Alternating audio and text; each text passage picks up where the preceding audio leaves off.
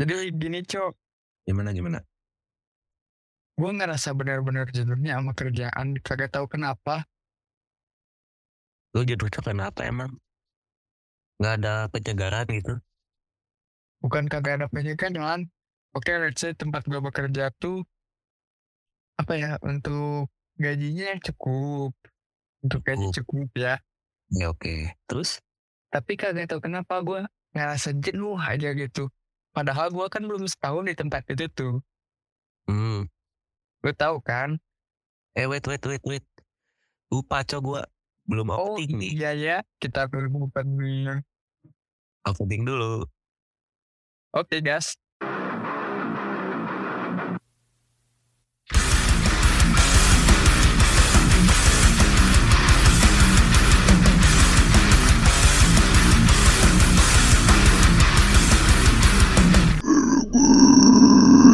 Hello people. Welcome back to Marakan. the best podcast on Underworld. We back again.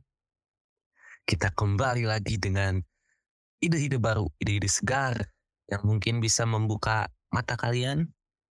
Dan juga hati kalian. Ah, Tapi lagi. Oke oke. Kita lanjut. Gue lanjutin yang tadi ya. Oke gimana? Jadi gini cok. Gue gak tahu kenapa bener-bener ngerasa jenuh sama kerjaan ini. Padahal ya.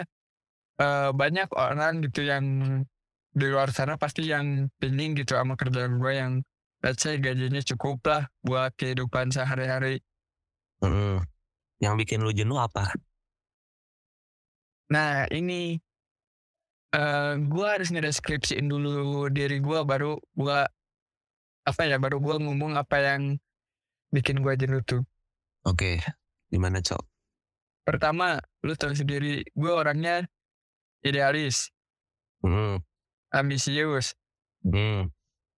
dan juga nggak mau terkakang. Pokoknya mirip-mirip lah sama gua lah. Ya lu ngerti lah soal itu mah tanpa harus Paham. Nah di kerjaan gue ini tuh gue ngerasa, duh monoton banget kerjanya. Nah. Pertama, Mm-mm. kedua gue ngerasa duh gue kerja di sini gue tuh pengen ngembangin skill gue soft skill gue skill gue tapi gue ngerasa gue kor- korporasi ini mencegah imajinasi gue cu Oke oke. Terus gimana gimana? jadi aduh gue gue agak bingung nih ceritanya soalnya ini menyang gue takut banyak yang keceplosan nih Ya udahlah gak apa-apa. Lagian kan hak juga lu juga buat bersuara gitu. Kalau menurut gua. oke lah kagak apa-apa mungkin kalau misalnya ada rekan kerja gue yang denger ini mungkin ya this is true man this is Iya. me what I feel jadi gimana ya buat beberapa orang mungkin kerja tuh mau nyari uang kan ya Alasan utama kerja semua orang ya buat biaya hidup. Apalagi. ya karena uang bu- bisa buat segalanya sih di zaman sekarang Tapi wait wait. Tadi lu bilang korporasi kan ya kalau nggak salah. ya Nah, karena gua ini ini ya sekarang eh, apa kesibukan gua jadi pengacara gitu, pengangguran banyak acara. Gua agak-agak paham tuh arti korporasi itu apa sih gitu. wah ini kalau misalnya ngejelasin ini ada banyak oke gue jelasin singkatannya kali ya Yoi. Jadi perusahaan atau bisnis itu kebagi dalam beberapa hal ya. Pertama, ada yang disebut perseroan terbatas. Mm, PT itu berarti ya. Tes. Ya, PT. PT itu banyak anakannya lagi tapi nanti jadi kepala ngebahas akuntansi ini sama ekonomi. Asli anjir malah kayak dosen lu jatuhnya nih ngejelasin. Tapi itu, aduh, gua nggak nggak nggak pingin ngebahas ke situ dah. Gua jelasin secara rinci. Jadi korporasi itu sebuah perusahaan yang dimanajemen oleh tangan kedua atau orang atau atau sebu, seorang direktur yang CEO-nya nggak langsung turun tangan. Bisa dibilang gitu lah. Oh, gua agak nangkep agak nangkep. Oh jadi gitu korporasi ya? Ya, korporasi PT atau apa pun itu namanya sama aja mungkin sistemnya, cuman beda legalitasnya aja. Kan karena ada PT ada CV ada apa ya banyak lagi deh. Ya udahlah nggak penting juga ngapain ya kayak dosen aja nerangin ri- di- eh, secara detail gitu. Ya justru itu. Balik lagi ke yang tadi gue aduh bener-bener ngerasa jenuh cow gue pengen cepet-cepet beres gitu sama Ya. kerjaan ini ya kenapa lu nggak resign aja kalau emang lu nggak nyaman? Gue pingin resign cuman sistem kerja di tempat gue tuh kontrak. Oh alah. Kontrak. Yes kontrak. Berarti lu kalau misalnya resign sebelum habis kontrak kena denda dong? Kalau nggak salah. Kena denda. Wah anjir. Tapi kan gue ya yang gue tahu nih ya lu orangnya maksudnya nggak mikirin lah kalau emang lu emang gak nyaman gak bisa dipertahanin ya udah gitu. Let it go aja. Tapi banyak hal yang gue pertimbangin kenapa gue masih bertahan itu karena bukan karena uang tapi karena gue nggak mengeluarin uang dari dompet gue sendiri. Oh emang dendanya lumayan cok? Sebenarnya agak agak gede sih lumayan. Jalan deh mending jangan. Mending kita buat bangun buat nanti aja ya proyek kita? Buat nanti aja deh ada project-project. Wah, pokoknya ini buat eh, khususnya proyekan kita nanti buat orang-orang yang bingung gitu susah dapat jodoh tuh obat mujarab pokoknya tuh.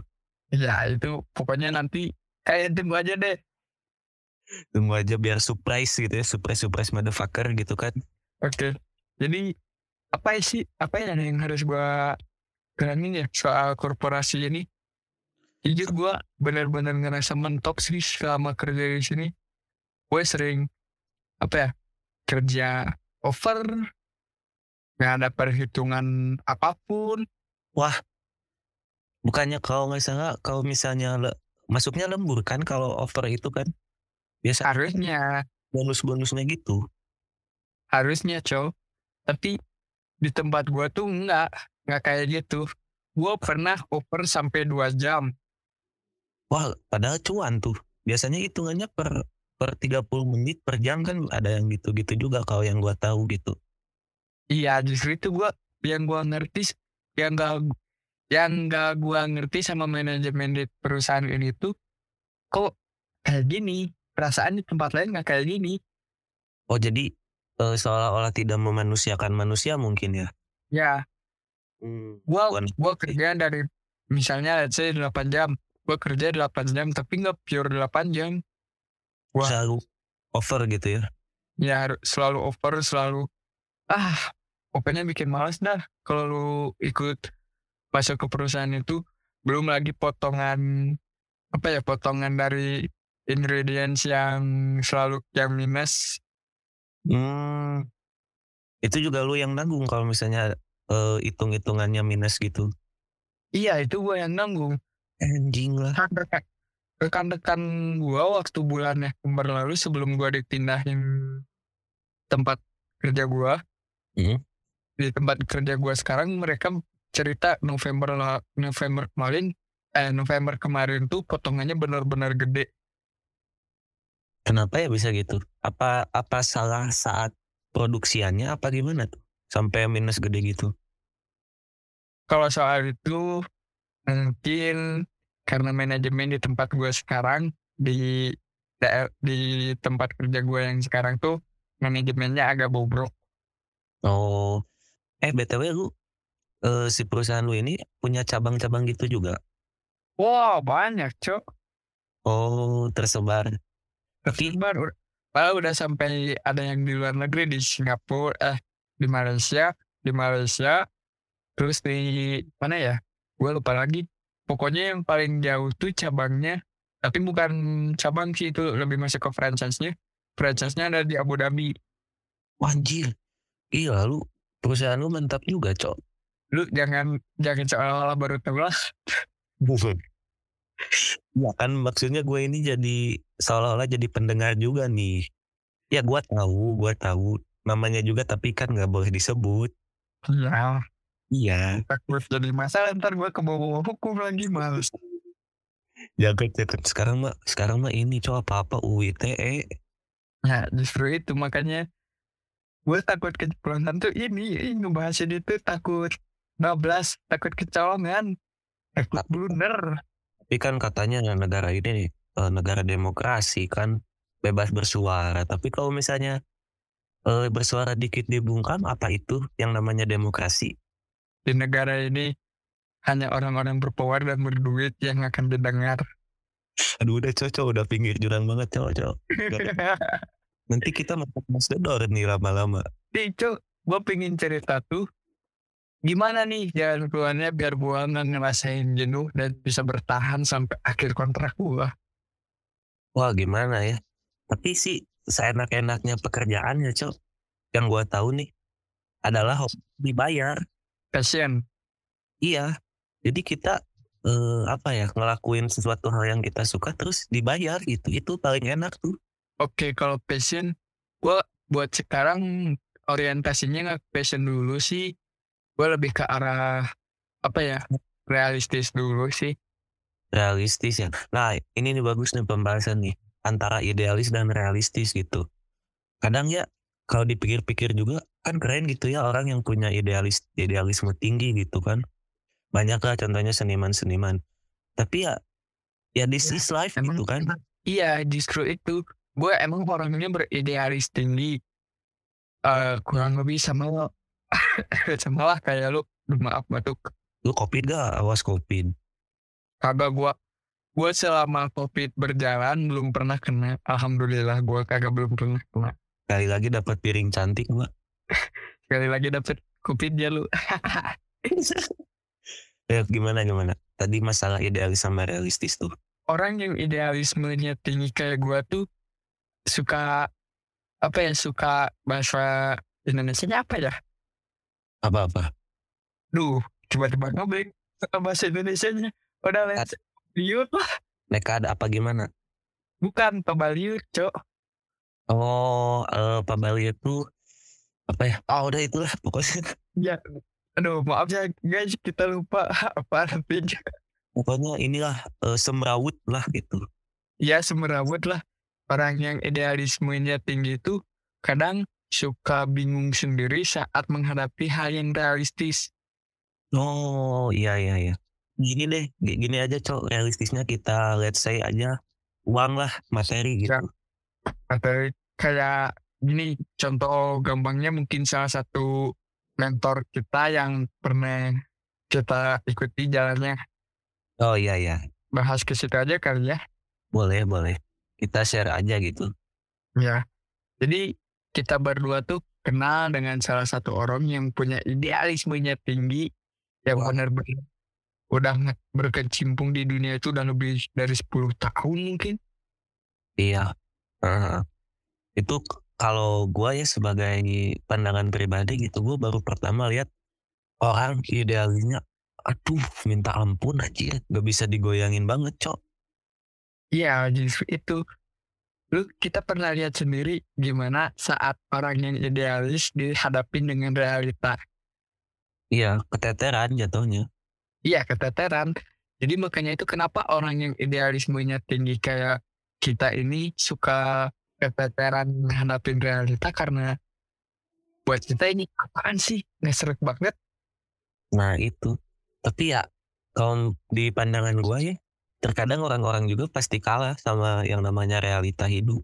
Di zaman sekarang apalagi lu nggak punya uang, lu nggak akan dianggap siapa-siapa. Wah iya itu banget tuh. Apalagi kebutuhan pokok meningkat, minyak mahal, Inflasi tiap tahun naik. dolar naik. Sound. Kacau dah hidup. Aduh. Sebenarnya gua nggak mau nyerempet-nyerempet ke politik, cuman gak tau banget nih mulut pengen ngomong. Gimana lagi ya, Cok? Sekarang misalnya soal ini dah. Oh, tren ini aja, Cok. Tren soal freelance-freelance yang sekarang banyak. Hmm, hmm, hmm. part-time part-time gitu kan. Ya, tapi buka, gue bukan mengarah pada tempat kayak F&B industry, industri atau soal-soal tempat kayak gitu. Ih, Tapi soal Pak eh, Ormas Hijau dan kawan-kawannya. Ormas hijau dan kawan-kawannya. Iya iya iya. Lu ngerti Pak?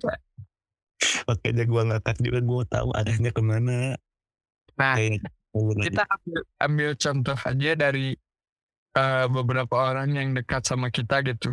teman-teman Ya, Nah, tapi buat ka- buat teman-teman kita yang ngedengerin kan kita ngejudge. kita Hmm. bukan ngejudge tapi ini karena pembahasannya menyangkut semua yang ada di Indonesia ini.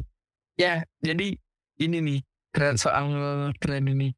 Kenapa anak-anak yang sekarang banyak lulus dari SMA atau kuliahan ataupun bapak-bapak itu ya pada nggak mau nyari kerja dan lebih memilih menjadi freelance itu karena lu tahu nggak apa kenapa easy come Nah, itu tuh gue juga sebenarnya eh, mantau gitu ya dari lingkungan-lingkungan gue gitu.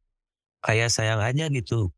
Eh, apa misalnya yang lulusan-lulusan SMK lah kayak gue gitu yang udah udah ini udah kebuka nih ilmu jalurnya nih. Lap gitu. Maksudnya kan bisa gitu eh, masuk ke industri-industri yang dia pelajari sebelumnya tapi karena ya karena tidak bisa dipungkiri karena covid semuanya berantakan juga kan. Iya sih.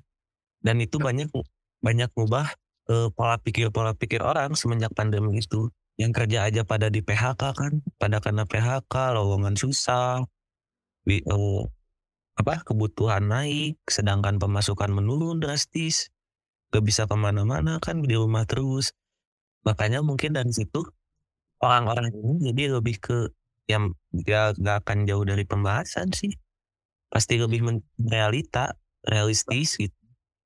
Tapi itu salah satu contoh korporasi yang mencegah imajinasi. Karena korporasi menjanjikan hal yang hal yang mudah didapatkan itu membatasi imajinasi seseorang untuk berpikir kreatif Jadi gimana ya kalau kita membahas ini juga realita realitanya butuh uang tapi terkadang sebagai manusia juga kita perlulah yang namanya idealis gitu.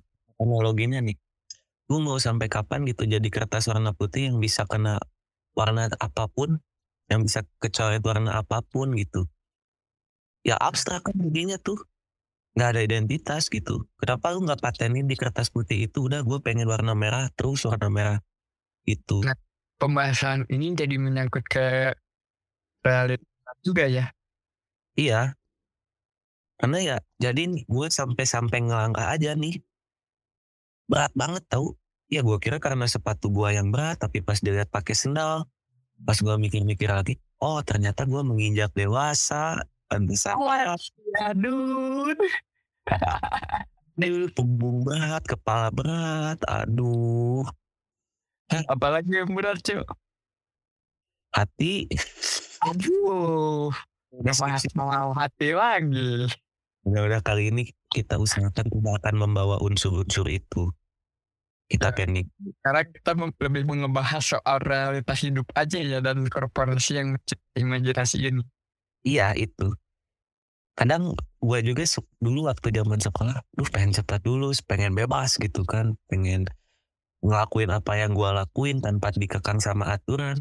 Eh pas udah lu- Eh, aduh, nggak punya uang pusing, kerja males sama aturannya. iya. Pokoknya indikator indikator lu nggak menikmati kerjaan tuh, kalau lu banyak ngeliat jam itu sih yang gue pernah dengar. Tapi emang bener kan? Duh kapan balik?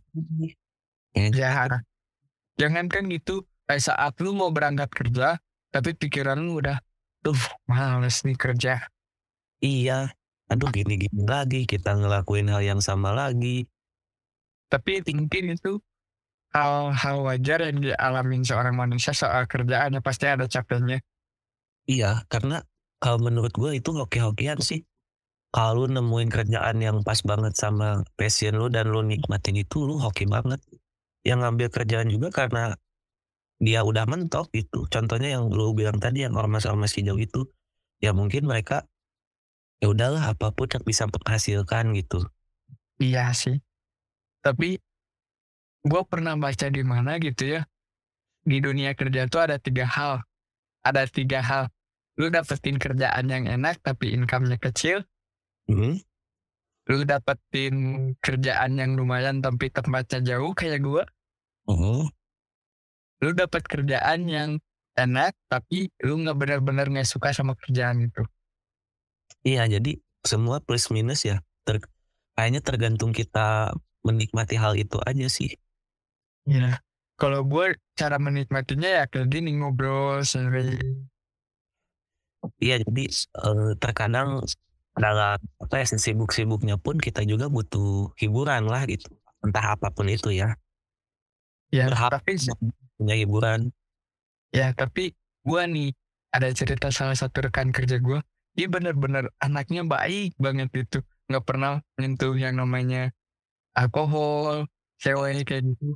Dia nggak pernah bener-bener gimana orientasi pikiran lu soal orang yang baik dari kecil. Mm-mm. Lurus gitu hidupnya nggak berbelok-belok kayak kita gitu. Iya.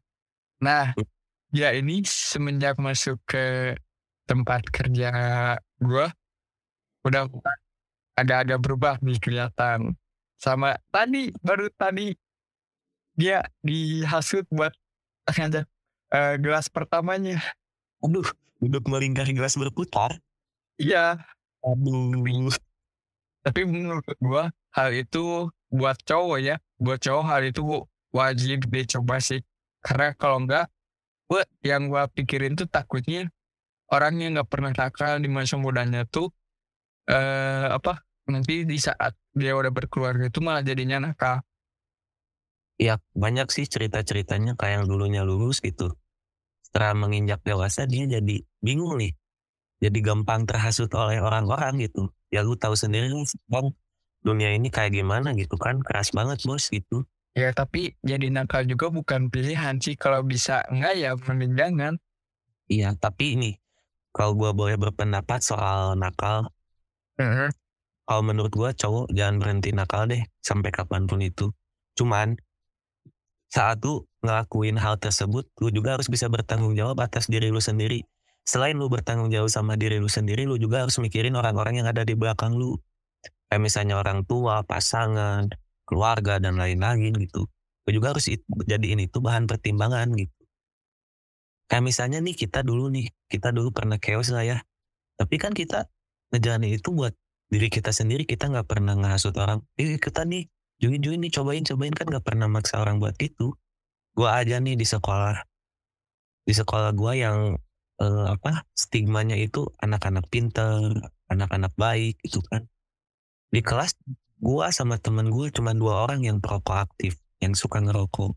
Yang lainnya enggak. Tapi gua sama temen gua yang ngerokok itu nggak pernah ngasut anak-anak lain kayak, ih cobain ngerokok, cobain, cobain, cobain, cobain, nggak pernah gitu.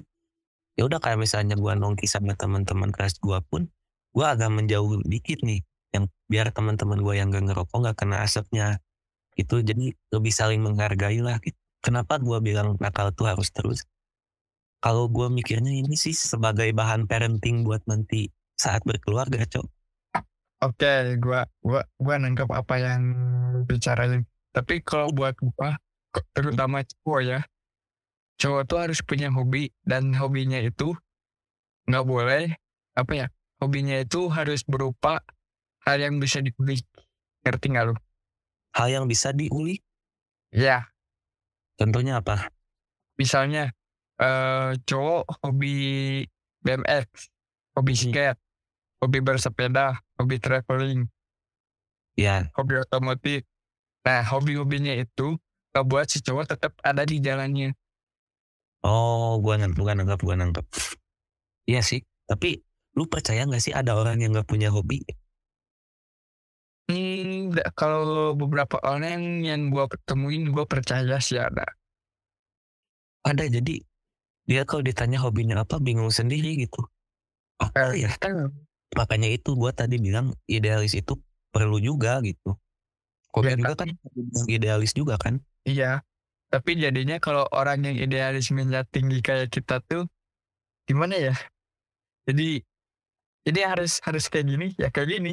tapi ka- kalau kita tahu back ke belakang ya kita Mhm. flashback ke belakang kita juga dulu aja boro-boro idealis gitu kita mah dulu sistemnya ya udahlah gimana nanti gitu udah am pokoknya dapat duit hari ini habisin aja ah besok mah gimana nanti lah gitu Punya uang hari ini mabok. iya Kan dulu gitu dulu. Tapi karena seiring berjalannya waktu dan setelah experience-experience kita dalam menjalani hidup, akhirnya kan kita juga menemukan jati diri kita nih. Oh ini idealis gua nih. Oh gua kayak gini. Kalau menurut gua malah ini gua coba-coba kepikiran jati diri idealis. Oh mungkin yang dimaksud idealis tuh jati diri dari seseorang ya. Iya bisa juga soalnya kalau lu bedah kata idealis itu kan ideal dari kata ideal gitu ya. Nah, Luas sebenarnya pengertiannya. Makanya hobi disebut idealis bisa disebut idealis, jati diri bisa disebut idealis. Identitas juga bisa disebut idealis sebenarnya. Iya juga sih. Oke oke. Tapi cok, kok pembahasannya jadi agak-agak melenceng dari yang tadi mau gua omongin ya soal korporasi. Kalau melenceng sih enggak, soalnya masih nyambung-nyambung juga sih. Jadi Iya, yang mak- iya. gini nih, gue mau nanya, yang lu maksud korporasi menghambat imajinasi itu kayak gimana nih yang lu rasain? Yang gua rasain tuh pertama kalau misalnya gua kerja tuh pingin dapat perusahaan yang fleksibel waktunya. Bukan yang fleksibel maksudnya kalau misalnya punya jadwal, jadwalnya Jadi lu nggak ngedapetin ini di perusahaan lu sekarang gitu, jadwal lu acak-acakan. wah boro-boro dapetin cok. Kadang gua dua hari masuk pagi, besoknya siang terus. Nah, Terus nanti masuk middle, masuk siang lagi pagi. Ah, agak aturan jadi ke guanya sendiri yang bingung buat ngatur jadwal gua. hmm. Nah jadi ini guys ya yang bikin Merokes kadang update-nya eh, update-nya gak sesuai gitu, kadang ngaret. Nah ini nih, ini penyebabnya. Ya maaf guys, karena ya gimana? Gua susah, jadi susah ngatur jadwal buat tapping kayak gininya. Kalau soal editing bisa kalian percayakan sama Pak Sansan ini. Nah, kadang kan waktu itu juga kita udah ngerencanain. Gua nanya kan ke lu, lu Kamis masuk apa? Masuk pagi. Ya udah malam kita tapping dua episode. Eh, taunya Hamin satu ya lu baru ngabarin.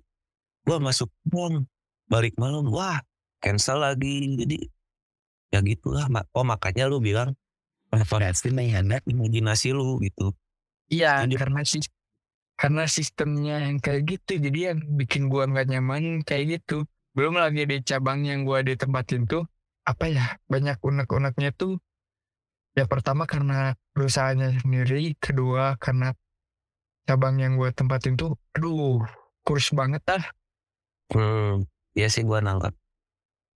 Jadi se- jadi eh, disclaimer dulu nih. Jadi ini ini tuh bukan semua korporasi ya. Ini mah cu- kita cuma cuma ngebahas sistemnya, sistem manajemen di suatu korporasi yang lu tempatin kan. Iya, coba lu bayangin dah gini. Lebaran ya, lebaran kemarin, masa gua jadi yang harusnya libur, dapat bagian libur, kerja 12 jam dong anjing. Anjing, anjing, anjing. Kalau gue sih udah nggak kuat, coy. Jadi kalau gue di posisi lu nih ya, aduh, gak kuat gue kayaknya. Ngebayanginnya gitu. Kan lebaran tuh silaturahmi gitu kan, menikmati waktu bersama keluarga besar gitu kan. Iya, Aduh.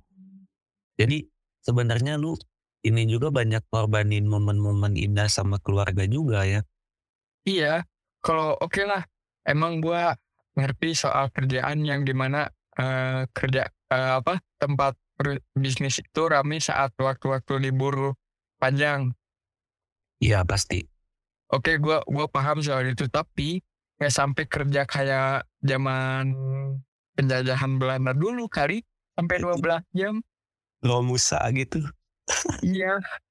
Mana hitungannya cuman anjing pingin teriak gua bangsat.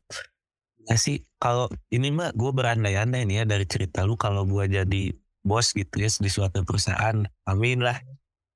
Amin. Walaupun gue nyuruh eh, apa pegawai gue buat kerja 12 jam ya mau nggak mau gue juga harus spend lebih gitu kan. Gue harus menghargai waktu yang dia buang. Gue harus Iya. bayar waktu itu. Walaupun sebenarnya waktu itu nggak bisa dibayar sama duit kan. Ya justru itu. Inilah mengerti gitu. Ya, tapi gimana ya so? Eh, lebih lebih enak lu masuk kalau dunia kerja lu lebih enak berkreativitas walaupun uang yang dihasilkannya sedikit tapi lu bisa enjoy dengan hidup lu Iya, kan tujuan kita membuat podcast ini ya untuk merambah ke situ juga walaupun dari awal kita nggak nggak ngorientasiin penghasilan atau apa pun itu. hiburan kita yang bisa kalian nikmatin juga Nah gitu. Oke, eh, sama kita ice breaking dulu ya. Kita merokok merokok dulu. merokok merokok dulu seperti biasa kopi dan rokok yang selalu menemani dan sekarang saya mau eh membakar sebuah rokok yang diproduksi oleh PT Sampurna TBK Boleh tuh Sampurna Mil support kita. masuk Episode kita harus ada ngemis-ngemis dikit lah. tapi gue gue jadi sering ngakak sendiri kalau ngedengerin preview saat kita mau upload anjing Gue juga geli sendiri anjir. Aduh ngemis banget. Tapi kalau nggak gitu ya butuh gitu gimana? Ya siapa tahu kan di notice gitu sama yang punya perusahaannya. Iya, Jadi- siapa tahu gitu kan mereka iseng, aduh, ih ada podcast, ada podcast terbaru nih, coba dengerin ah. loh kok kesebut? Aduh kasihan pemuda-pemuda ini. Juga jelasinnya bangsat. oke oke kita lanjut lagi nih jadi disclaimer ya kita sekali lagi disclaimer. Bukan karena judulnya korporasi menghambat imajinasi jadi bikin si people-people ini nggak mau bekerja karena takut terhambat imajinasinya enggak. Cuman kita lebih ngomentarin ke sistem manajemen yang dibuat di perusahaan tempat teman gua kerja ini gitu. Jadi lu mau bekerja juga silahkan gitu. Itu hak lu gitu. Lu mau jadi pengangguran terus ngonten-ngonten juga nggak apa-apa itu hak lu. Siapa tahu bisa menghasilkan suatu saat. Oke lanjut cok Kalau gua ya lebih suka dengan lakukan hal kecil walaupun itu tidak ter, tidak bernilai, tapi suatu saat percayalah itu akan bernilai. iya itu banget. Karena hidup itu misterius gitu. Lu juga nggak Ya bakal, yang- bakal kayak gimana kan? Ada apa nih? Selalu penuh dengan kejutan. Ini nih eh, kayaknya kita langsung masuk ke kesimpulan aja nih. Mau ngebahas ke mana-mana gue punya satu quotes nih yang kayaknya ini cocok banget buat lu dari Pirsa Besari gitu kan penulis dan Mantap. penulis ternama dan juga penyanyi ternama. Dia bilang kayak gini lelaki itu adalah superhero. Lu nggak usah jauh-jauh nyari ke luar negeri kayak Captain America gitu. Lu nggak usah jauh-jauh. Lihat aja lelaki-lelaki di sekitar lu yang rela impiannya diinjak-injak di depan mata karena realita dunia. Buh, itu dalam si anjing. tapi emang gitu kan contohnya orang-orang tua kita oh kita jarang ngobrol gitu kan sama ayah-ayah kita ibu-ibu kita. Mungkin aja dia sebenarnya passionnya bukan di situ gitu tapi karena punya anak dan punya tanggung jawab jadinya ya udahlah itu idealis gua dikubur aja dulu gitu gua ngelakuin apa yang yang bisa menghasilkan aja dulu deh ini buat kebutuhan-kebutuhan keluarga gue misalnya gitu. Karena kita juga pasti nanti ngalamin hal itu. Gue jadi melo nih bawaannya kalau ngebahas orang tua. Wah asli. Apa kita bahas di episode selanjutnya ya? Boleh tuh, kayaknya ini pembahasan yang agak-agak melu nih, agak-agak suka nih gue nih. Oke oke. Jadi tunggu aja kejutan kita di episode selanjutnya kita sudahi dulu saja ya udah Ah, kesimpulan dari gue belum. oh iya sorry sorry jadi gimana simpulan dari lu Kesimpulan dari gue. Oke, jadi yang gue bahas nih tentang unek-unek gue yang terjadi di kerjaan gue dan apa yang gue rasain. Jadi jangan menjadikan ini sebagai patokan kalian bahwa oh korporasi itu nih cegah imajinasi ya enggak enggak banyak kok sekarang korporasi yang misalnya di bidang kreativitas banyak. Jadi itu gimana lu pembawaannya dan apa passion yang di dalam diri lu itu punya. Kalau buat gue, gue ngerasa hard skill dan soft skill gue di tempat kerja gue saat ini nggak bisa berkembang karena pertama karena orang-orang yang udah lama di kerjaan gue ini, gue ngeliat hidupnya gitu-gitu aja, pemikirannya gitu-gitu aja, walaupun gue nggak bisa ngejudge orang itu nggak berkembang gimana gimana walaupun setiap tahunnya tapi buat gue gue butuh tantangan setiap perjalanan dalam cerita hidup gue Wah, penutupan yang bagus, Bung. Oke, kita sudahi dulu saja. Gua Sansan. gue pai pamit undur diri See you later. siapa pal Bye.